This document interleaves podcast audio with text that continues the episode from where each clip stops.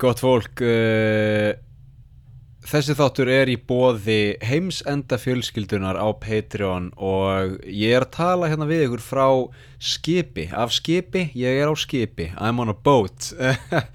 Og uh, já sko þetta er náttúrulega auglýsing, ég er að auglýsa hérna Patreon og ég er að, er að segja við ykkur að þessi þáttur hann er að koma til ykkar ókeipis af því að það eru 34 einstaklingar á Patreon sem eru í áskrift og eru að borga fyrir það. Lítið sem ekki neitt sem það kostar og þú getur sleist í þeirra hóp.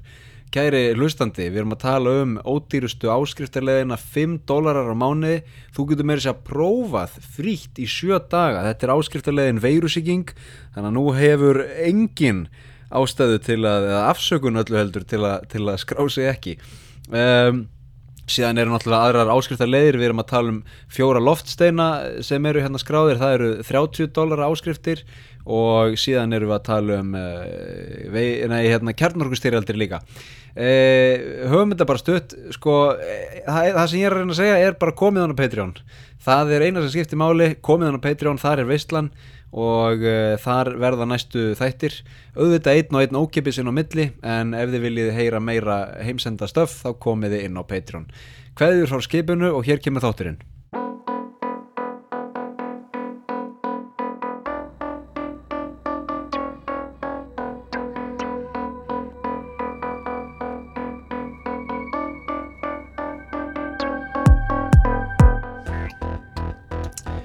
Já, gott fólk, verið velkomin í þáttinn uh, Hér tala ég frá uh, Hagi. Við erum stödd í vestur Japan. Hagi er sko uh, prefecture sem er svæði sem er svona eins og fylki í bandaríkjónum og það heitir endur ekki Hagi prefecture eða fylkið heitir Yamaguchi. Þetta er hérna í vestur Japan, suð-vestur Japan og það er uh, september, það er komin september og það er enn 34 steg að hiti. Og ég er að vinna á skemmtifræðskipinu National Geographic Resolution. Og ég veit ekki hvort þið heyrið það sko. Ég er náttúrulega að taka um borð í káðinu minni uh, um borð í skipinu. Ég ætla að leiða ykkur að heyra núna og sjá hvort þið heyrið, ég ætla að hækka aðeins í og sjá hvort þið heyrið í vélum skipsins sko að því að ég náttúrulega er að tengja mækin í raun beint við skipið. Sá hvort þið heyrið eitthvað hérna ég ætla að hækka aðeins.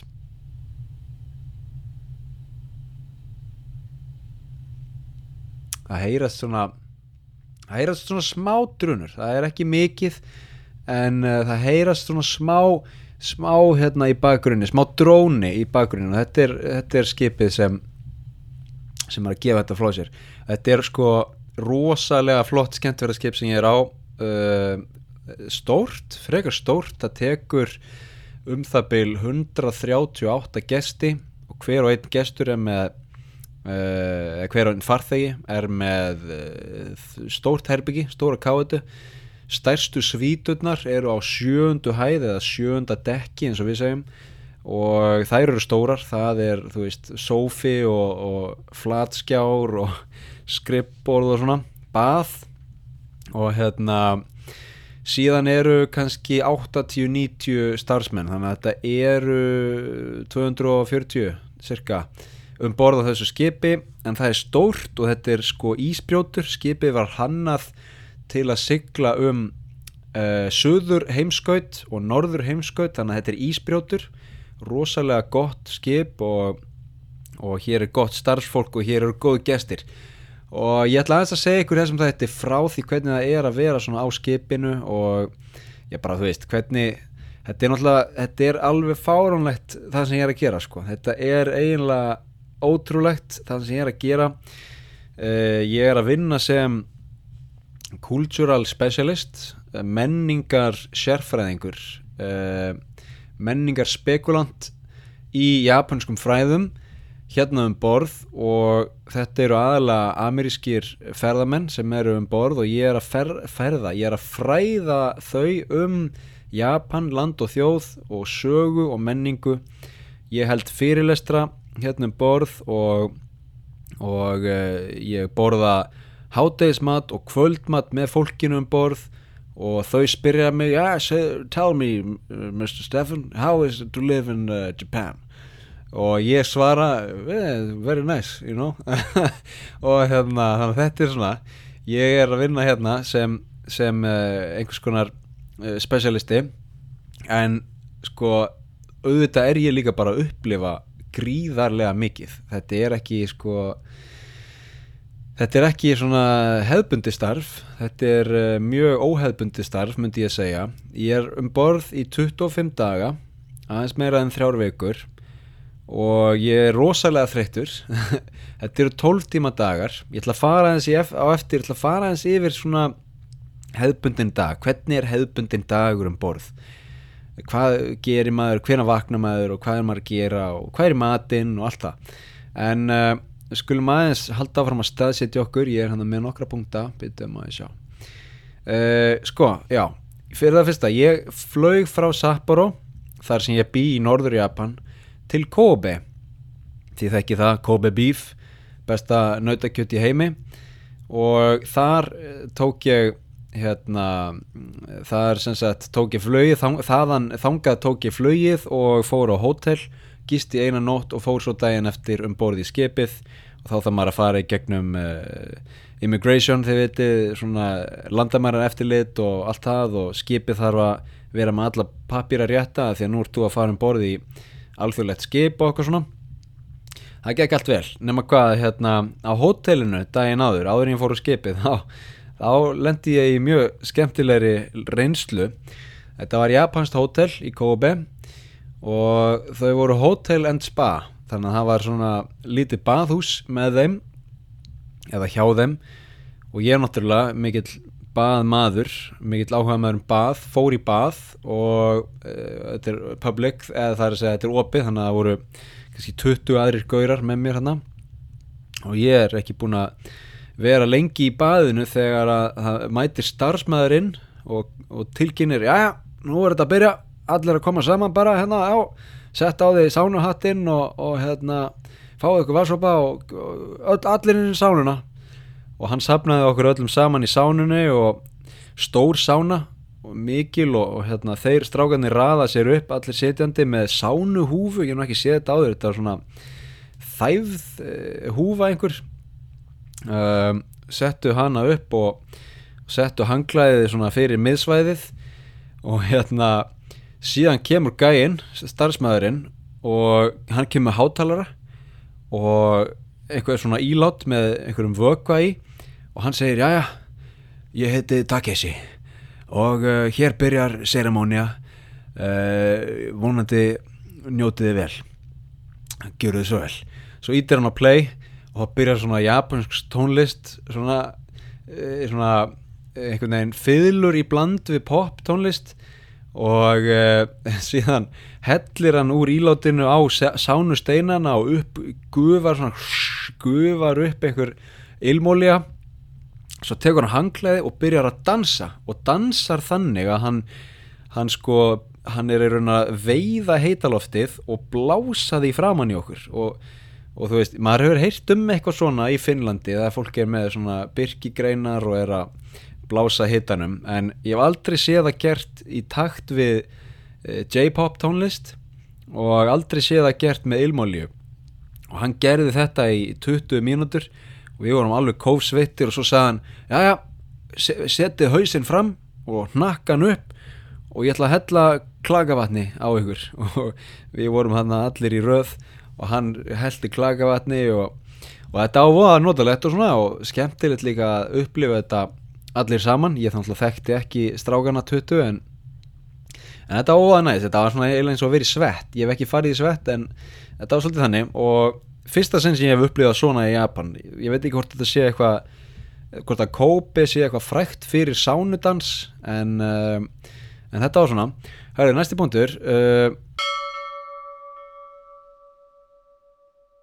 sko ég sem sagt já, ég fer í Kobe fer um borðið skipið og síðan hefst 12 daga sigling. Og þetta er raun 12 dagar sinnum tveir. Uh, við förum frá Kobe siglum uh, sko það sem heitir Seto Inland Sea ætlum við ekki að fara of djúft í landafræðina en við siglum í raun frá Kobe í suð-vestur átt eins og sem að sigla bara uh, í átt að vestur enda Japans. Og þar tökum við beigju upp og siglum fyrir vestur endan siglum aðeins upp, með vest, upp meðfram vesturströndinni stökkum yfir til Suðu Kóru komum tilbaka til Japan aðeins lengur upp vesturströndina og stoppum á stað sem heitir Kanazawa og svo snúum við við tökum 12 daga siglingu tilbaka. Og ég er núna á degi nýju held ég. Uh, dagarnir líða hratt hérna. Veist maður verður alveg rugglaður, ég veit ekki ég held að það sé sunnudagur í dag. Ég veit, uh, veist það sunnudagur eða mánudagur eða meðugdagur eða fymtudagur eða skiptir yngum máli til allt eins. Og uh, þannig að ég er svona að klára fyrstu ferðina svo tek ég snúning. Um, það er sko vegabrjáfa skoðun í hverju höfn og, og það eru mismunandi eftir hvar maður er. Stundum vilja stundum vil fólki bara sjá uh, vegabrjáfulegin út stundum vilja þau sjá vegabrjáfuleginni tilbaka líka. Þú veist þetta er, þetta er eins og um, þú ert á skipinu þá ertu ekkert neginn al, al, á alþjóðalögu svæði og svo þarf þetta að koma inn í Japan og svo þarf þetta að fara út úr Japan. Að koma inn í Japan og fara út úr Japan og hverjum einasta degi og koma inn og út, inn og út, inn og út. Og ég er náttúrulega bí í Japan og ég er með vísa. Uh, á mörgum stöðum viljaðu ekki trúa mér. Passport please. Ég segi no no, no passport. I have a visa. Passport please. No, don't need passport. I have visa. Passport please og þau náttúrulega hérna, og svo, svo segi ég bara Jairu Kato þessi, jó aaa, Jairu Kato, æj, æj, æj þannig að þetta er svona og það er mismunandi eftir fylgjum sko. Sumir eru uh, slagir aðrir eru uh, stífir. En uh, við höfum að leifa þeim að hafa sína, sinn hátt á því. Annað, Japan er skrítið það er náttúrulega margt mjög, mjög stíft og margt svona, margt bannað en margt líka mjög rólegt. Japan er mjög sko það er náttúrulega mikil reglufesta og, og, og mikil reglusemi og marga reglur mjög mikilvægt að fylgja reglum. En eins og ég hef talað um áður í þessu hlaðvarpi þá er til dæmis allt í lagi að hjóla að reyðhjól, að hjóla á reyðhjóli án þess að vera með hjálm. Já, já, já, já, já. skiptir yngum máli ef þú dettur þá, þú veist það er ekki gott, en, en þú ert ekki að vera með hjálm, það er ekki, ja, bara allt í lagi. Um, bílbelti líka, þú veist, þau eru ekkit rosa ströng á því. Stundum, og, og gætarnir, við erum hérna við förum sérst í land í hverju höfn og þar eru rútur og það eru lokal gætar og þau sína okkur staðina og þau eru frábær, lokal gætarnir eru algjörum meistarar og ég er að fá að heyra hérna mismunandi japansku þú veist, meiri sveita japansku minni borgar japansku það er mjög skemmtilegt. En gætarnir, þau standa bara í rútunni þú veist, það er ekkert verið bílbelti. Nei, nei, nei, þau eru ekki einu svona í sæti þau standa bara. Og þau eru ekkert ofta minna okkur á að setja bílbelti sko. Þannig að, þú veist Uh, Japan er mjög stránt á mörgum stöðum og svo, svo koma svona staðir það sem Japan er bara alveg líeglað einhvern veginn. Uh, við erum að sigla þessu risastóra skipi hérna um Japan og það eru fiskibátar bara að krossa bara fyrir framann okkur og þú veist, ekkert stress. Ég var upp í sko uh, þetta skip er skipt eftir skulum segja bara að það sé átta hæðir eða nýju hæðir. Þetta er eins og nýju hæða fjölbílishús sem er bara siglandi hérna. Um, en við höfum bara aðgang að dekkjum eða dek, dekkerhæð fyrsta dekk, annað dekk þið viti uh, við höfum bara aðgang að hæðum þrjú til átta. Uh, og svo er nýjunda dekk það er bara þakið á skipinu. Og starfsmenn geta farið ánga en, en ég er óbreyttur starfsmæður þannig að ég get ekki farið ánga og svo er, er sagt, fyrst á annað dekk það er bara vélarými þannig að maður er ekkert mikið þar. En uh, já ég var á sjötta dekki og þar er flott svona lounge þar sem við erum með cocktail hour alla daga, fólk þarf að koma og fá sér cocktail, það er mjög mikilvægt. Uh, getur ekki klára einn, einn heilan dag á þess að, að fá sér smá cocktail. Það er bara gaman, fólk er frí og svona. Og þar var ég að hlusta á uh, fyrirlestur. Þetta er náttúrulega fullt af starfsfólki hérna með alls konar sérhæfingu uh, og ég var hlusta fyrirlestur og ég sá út um gluggan að það var bara mastur. Það var bara mastur á öðru litlu, öðrum litlum bát sem bara straukst við gluggan og ég hljóp út og hvað er að gerast? Er, að, er þetta Titanic?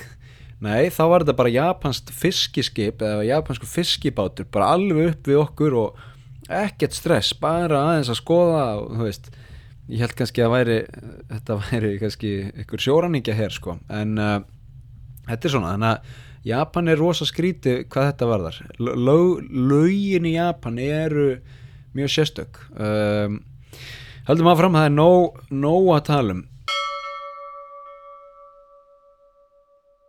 Ég, um ég ætla ekki að fara eitthvað ofdjúft í gestina hérna um borða því að það er svona uh, já, maður vill ekkit vera þú veist, fara ofdjúft í það. Þetta er mjög skemmtilegt fólk og almennlegt fólk og þau eru mörg hver búin að ferðast um allan heim og, og hérna gaman að borða með þeim veist, og auðvitað er þetta mjög vel stætt fólk, ég get sagt ykkur það að að þessi svona ferð, 12 daga sigling þetta er að kosta 3 miljónir á mann þannig að þetta er algjör uh, svona luxus sigling uh, það máli segja það.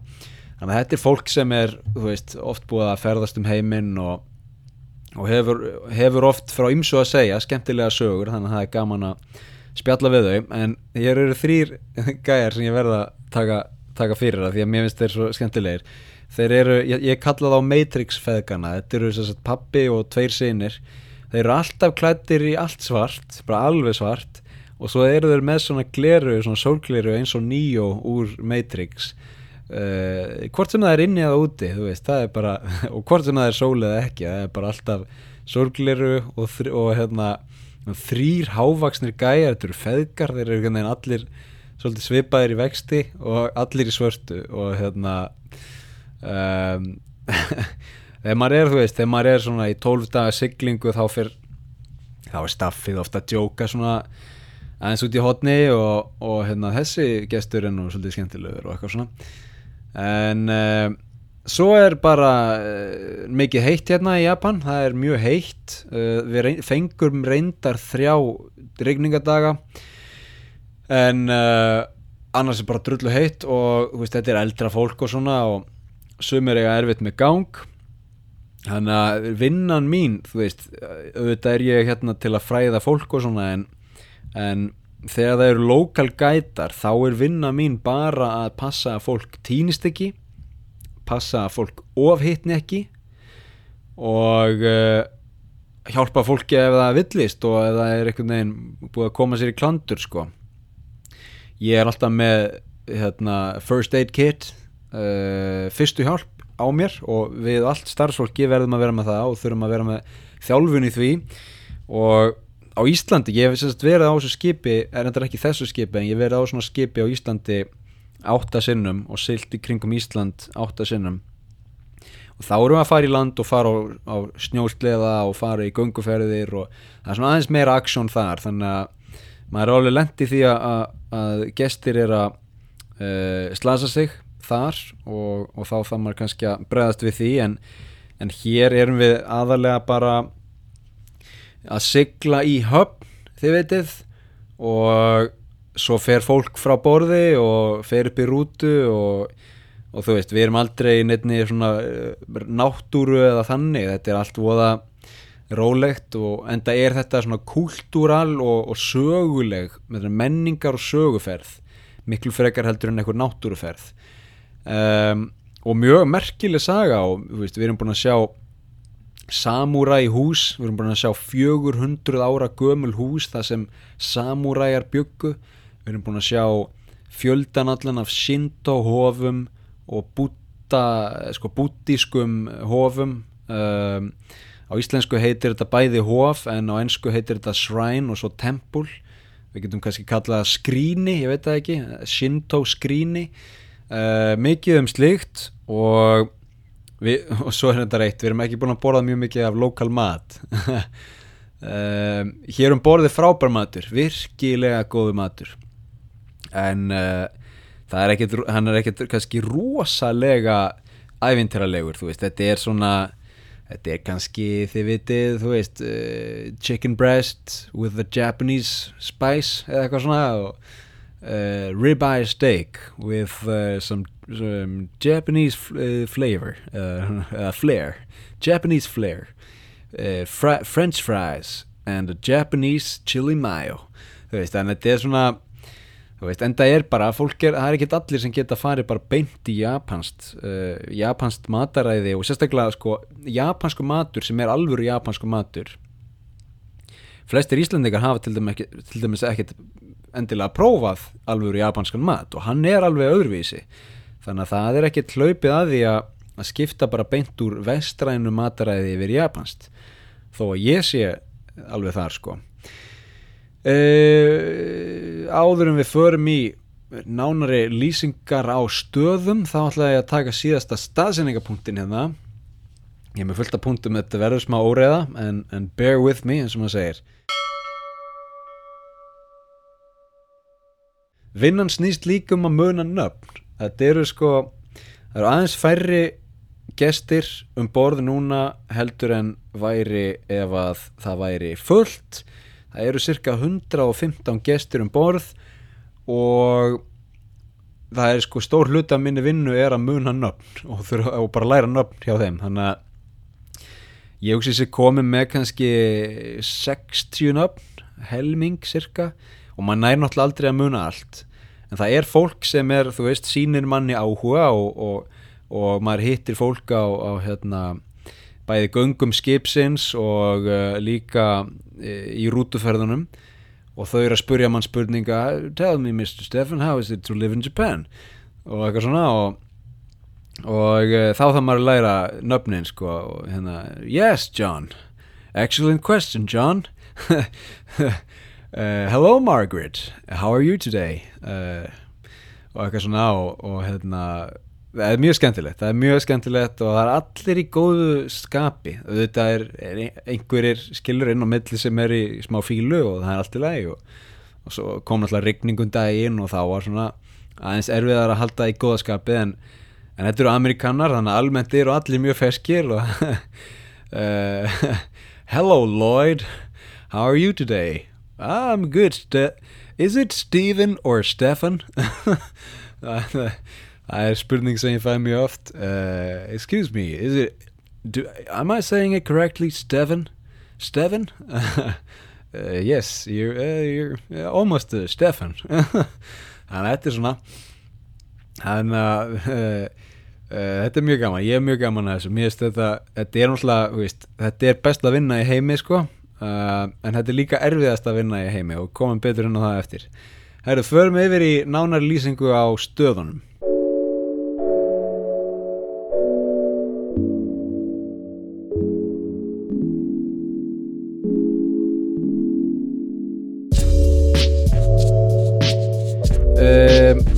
ef að fólk er í stuði og hefur mikið áhuga á að vita mikið um suð, vestur og vestur Japan þá mæl ég með að kíkja á kort og mögulega svona kíkja á kortið af og til á næstu nokkru á næstu mínútum.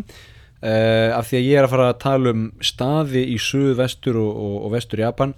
Ég ætla ekki að fara ofdjúft í þetta en það, veist, ég get alveg ímyndað mér að margir mörg ykkar séu bara í umferðinni eða vasku upp eða í ræktinni og kannski nennið ekki alveg að vera kafa mjög djúft í, í hérna, staðhætti. En uh, ég ætla að byrja því að nefna uh, það sem heitir Seto Inland Sea. Seto Inland Sea við getum kallað það bara se, Seto Innhafið. Um, það er ekki landlokað. Þetta er ekki sko, þetta er ekki eins og þetta er ekki eins og Kaspían hafið eða Svarta hafið þetta er, þetta er hafið á milli Honshu sem er stæsta eiga Japans og Shikoku sem er minsta eiga af fjóru, stæ, fjórum stæstu eigum Japan. ok, það eru semst í Japan eru fjórar stórar eigar Hokkaido í norðrinu þar sem ég bý Honshu í miðjunni þar sem Tokyo, Osaka, Kyoto og fleira er. Og síðan eru tvær minni eigar í suðvestrinu. Þær eru Shikoku sem er minnst af þessum fjórum og Kyushu sem er næst minnst af þessum fjórum. Honshu, Shikoku og Kyushu mynda saman milli sín innhaf Seto og þetta er eins og japanska miðjarðarhafið. Af hverju segi ég það? Í fyrsta lagi er sjórin gullfallegur og tær. Það er heitt og þurrt. Sko uh, þurrt innan gæsalappa það er rakt. En það er ekki eins rakt eins og í Kyoto og Tokyo og á mörgum fleiri stöðum í Japan. Þú veist það er rakt en það er samt einhvern veginn þurrt. Þannig að maður sér upp í hlýðarnar það er svona uh, gróðurinn er ekkit rosalega þjættur þetta er ekki eigðimörk, alls ekki. Það er mikill gróður en þetta er svona eins og gróðurinn sem við sjáum í miðjararhafinu þannig að það eru svona runnar og tré og kvítursandur og þetta er alveg gullfallegt svæði og margar eigjar í þessu innhafi og ein eigjan eh, heitir Naoshima og það var fyrsti á, áfangastæður eftir Kobe. Naoshima er fræg fyrir uh, listasöfn og, og uh, arkitektúr og skúlptúra. Og það er eiginlega, þú veist þetta er svona svolítið eins og eða mér leiði allavega, svolítið eins og að vera á eigunni í Triangle of Sadness myndinni. Þetta er svona gullfallega einhvern veginn eiga svolítið eins og miðjararhafið og svo rýsa upp veist, stór steinsteipu listasöfn og, og, og arkitektúr og skúltúrar og þetta er, svona, þetta er líka eins og eitthvað svona James Bond eiga eitthvað svona, eitthvað svona illmennið býr á eitthvað svakalegri eigi og er búin að byggja höll þar og eitthvað svona. E, allavega einu eigin þar og, og hún var mjög flott. Síðan fóruð til Shikoku það er fjóruða minnsta aðal eigin Uh, þar er staður sem heitir Takamatsu og enn og aftur japanska miðjararhafið þau eru fræg fyrir ólífur. Uh, þú veist, getið ímyndið ykkur það japanskur hafnarbær sem er frægur fyrir ólífur. Þetta undirstrykar bara þetta svæði Seto innhafið er mjög frábröðið öðrum stöðum í Japan. Síðan er önnur eiga Itsukushima eða, eða Miyajima, hún er nálagt Hiroshima þetta er allt eigur, Hiroshima er endar ekki eiga en uh, uh, hingrið aðeins nú er ég að fá nú er ég að fá, nú er ég að fá, nú er ég að fá nú er ég að fá, nú er ég að fá skilaboð. Og þetta verður svolítið svona ég, mögulega þarf ég að klára þáttinn bara mjög fljótt af því að hérna af því að þú veist, ég er með talstöð og ef það kemur eitthvað uh, ef það kemur, þú veist, uh, Stefan, Stefan uh, Andy, þá þarf ég að segja yeah, go ahead. Uh, can you come up to deck 6 uh, yes, I'll be there in a minute. Þannig að uh, mögulega þarf ég að bregða mig frá. En uh, allavega uh, Itsukushima og Hiroshima þetta eru Itsukushima öllu öldur, þetta er eiga og Hiroshima er ekki eiga Hiroshima er náttúrulega hafnarbær og Hiroshima á sér langa og flókna sögu. Hiroshima er staðurinn þar sem fyrsta kjarnorkusprengjan sem sprengt var yfir mannfólki uh, átti sér stað og við fórum á frækt sapn þar og í frægan garð. Það er uh, friðargarðurinn Peace Garden og, og Peace Museum uh, friðarsapnið og það er mjög átækanlegt að, að vera þar. Að lappa í gegnum það og sjá sjá sko uh, fött frá fólkinu fött frá fórnalömpum og og það eru skilur blóðblettir í fötunum. Og það sem var svona kannski erfiðast fyrir mig að sjá var það var japansk nestis box svona bento box og matur í því.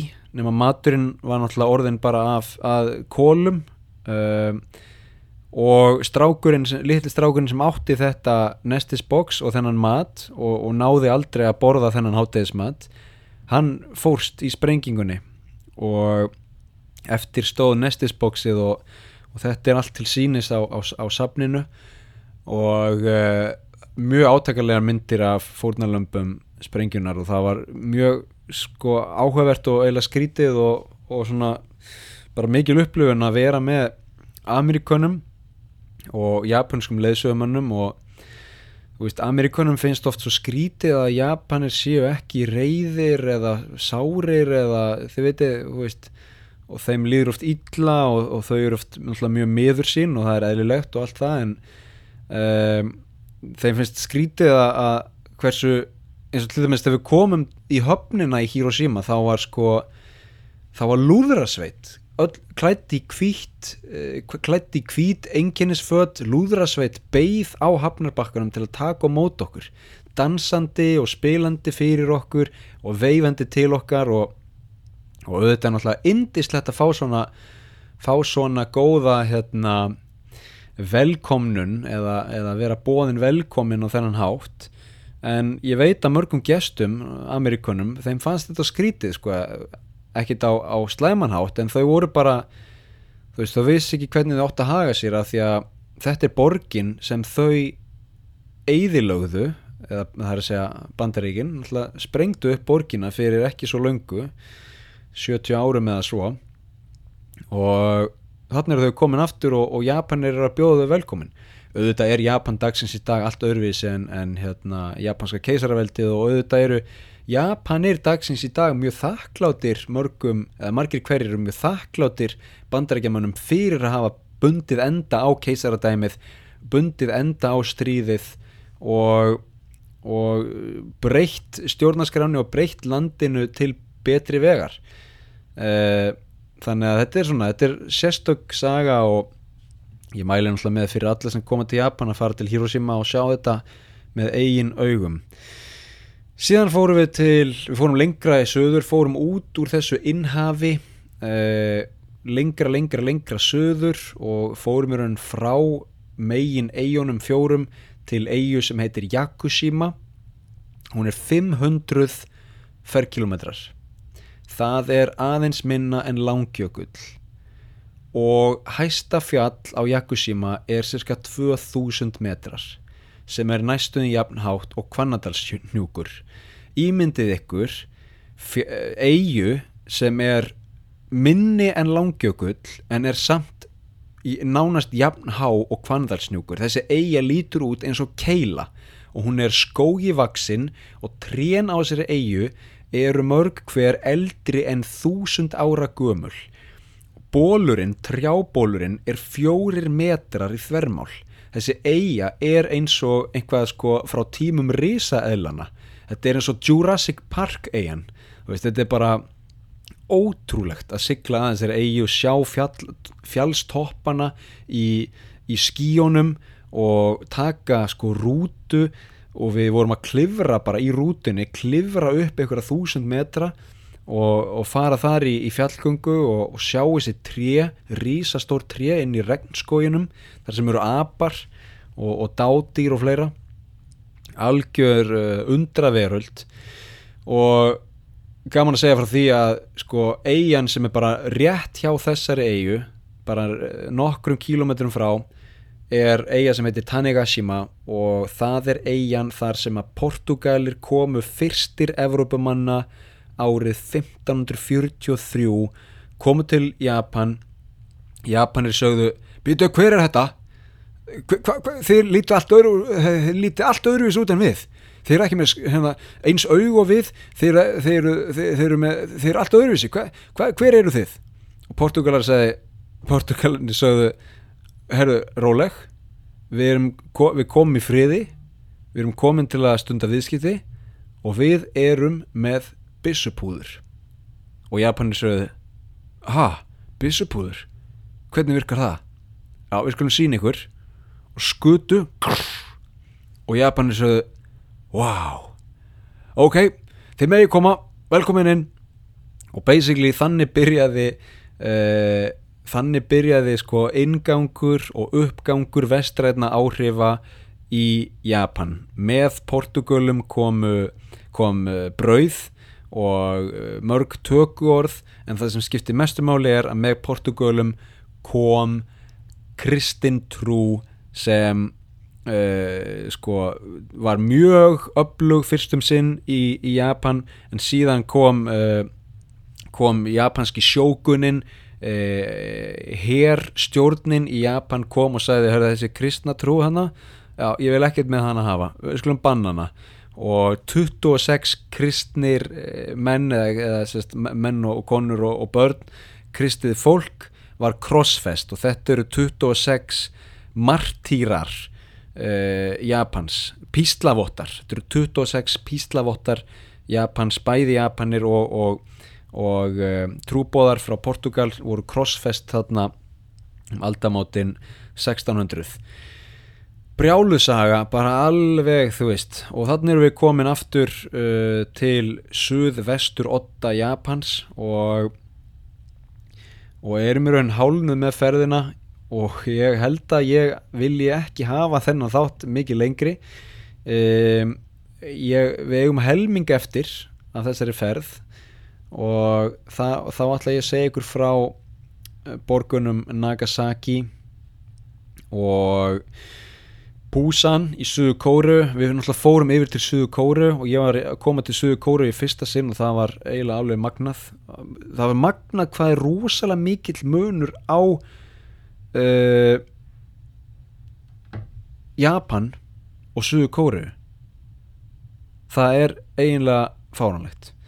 Uh, og gestirni tóku eftir auðvitað, af því að þetta eru tvær þjóðir sem eru mjög frábrúðar frábrúðunar og sko eitt bara dæmi áður, áður en við klárum. Uh, í Japan þá eru gætarnir mjög uh, svona hvað segir maður? Þau, þau passa sér svolítið, þau eru ekki að segja hvað sem er skilur og þau eru alltaf að fylgja handriti og, og þau vilja ekki fara mikið út fyrir handrit. Þegar ég kom til Suðu Kóru þá sagði gætin bara þegar þeir að koma frá Japan. Já, já að vissu þið að Japan er ömulegt land? Vissu þið það. Nei, vissu þið að Japan eh, og Japanir eru búin að ráðast inn í Suðukóru og Kóruðskaga 600 sinnum, vissu þið það? Og vissu þið að uh, okkur er skiptina í Suðukóru og Norðukóru út af Japanum? Huh. vissu þið það? Og svo eru þið að fara aftur til Japan á morgun? Hvernig, hvernig, hvað hva, hva, hva, finnst ykkur um það? Já. Og, og, og, og lítið um gödunar hann er Hyundai og hann er Kia. Og hann er Kia og hann er Hyundai. Hversu, hversu marga japanska bíla sjáu þið? ekki neitt, af hverju? af því að uh, ef það væri japansku bíl hérna á gödunum þá, þá myndi einhver, einhver brjóta glerið og rispa hliðina. Það er ástæðan. Og maður bara, wow. Aðja ok, ég meina ég, get, ég, ég kann að meta reynskilina það er ekki verið að uh, sigurhúða hér uh, auðvitað er ekki hérna allir svona opinskáir með það og auðvitað er sko Japan og Kóri er bara tvö lönd sem stundar mikil viðskipti og margir Kóru búar elska Japan og margir Japanar elska Kóru og, og það eru túr, túristar og túrismi á milli og kóriski veitingastæri Japan og japanski veitingastæri Kóru þið veitir en sagan er lung og sagan er flókin og, og það er aldrei hægt að segja bara svart og hvít og þetta er svona og ekki hins eginn með um það, við tölum betur um það í næsta þætti. Ég held ég verði bara að klára þetta núna. Um, ég get kannski maður sjá ég skal bara enda á því að hérna, enda á því að uh, þetta eru langi dagar þetta eru 12 tíma dagar á skipinu. Og uh, ég vakna klukkan 6 á mótnana og ég fer að sofa klukkan 10 á kvöldin. Ég fer alltaf í sánu á því að ég fer að sofa og ég reyni að fá mig kaffibotla einn á efstadekki, áttundadekki afsaki, í geggjúðu útsýni veist, að sjá sólina koma upp fá sér kaffibotla, geggjað útsýni af áttundadekki, áttunduhæð á skipinu. Ég reyna að gera það fyrir morgumat þannig að basically frá sjö til svona nýju á kvöldin þá er ég bara að vinna. Núna, þetta er fyrsti glukkin núna sem ég er að fá núna til að taka upp þetta hlaðvarp núna bara einn klukkutími sem ég fæ og hann er að klárast núna þannig að þess að það er að klára þáttinn. Þetta er rosalega skrítin vinna og rosalega uh, þjætt prógram, þú veist, maður er bara alltaf að, alltaf tilbúin að svara spurningum en það þýðir líka að það er aldrei leðilegt og ég segja það bara aftur, þetta er best að vinna í heimi Skulum ekki hafa lengur, eh, skulum ekki hafa lengra að sinni, eh, næsti þáttur kemur í næstu viku, gott við hafi hann ekki bara líka ókipis, við sjáum til ef ég verið gjafastuði fyrir þau ykkar sem er ekki skráð á Patreon. Eh, takk fyrir að hlusta, og sko ég væri til í að fá einhver komment á þennan þátt. Hvað vil ég heyra meira? Ég er á skipinu í tvær vikur í viðbót cirka 11 daga í viðbót eftir að þessi þáttur kemur út. Hvað vil ég heyra, hvað vil ég vita veist, vil ég, hvað er skrítið um borðið skipinu? Hvað er, þú veist ég veit ekki, hvað vil ég vita, bara kom með spurningar sendið á Patreon eða Instagram heimsendir, podcast eða Facebook grúpuna eh, eða á mig persónulega, bara hvað vil ég vita? Sendið til mín. Takk fyrir að hlusta og við heyrumst í næsta þætti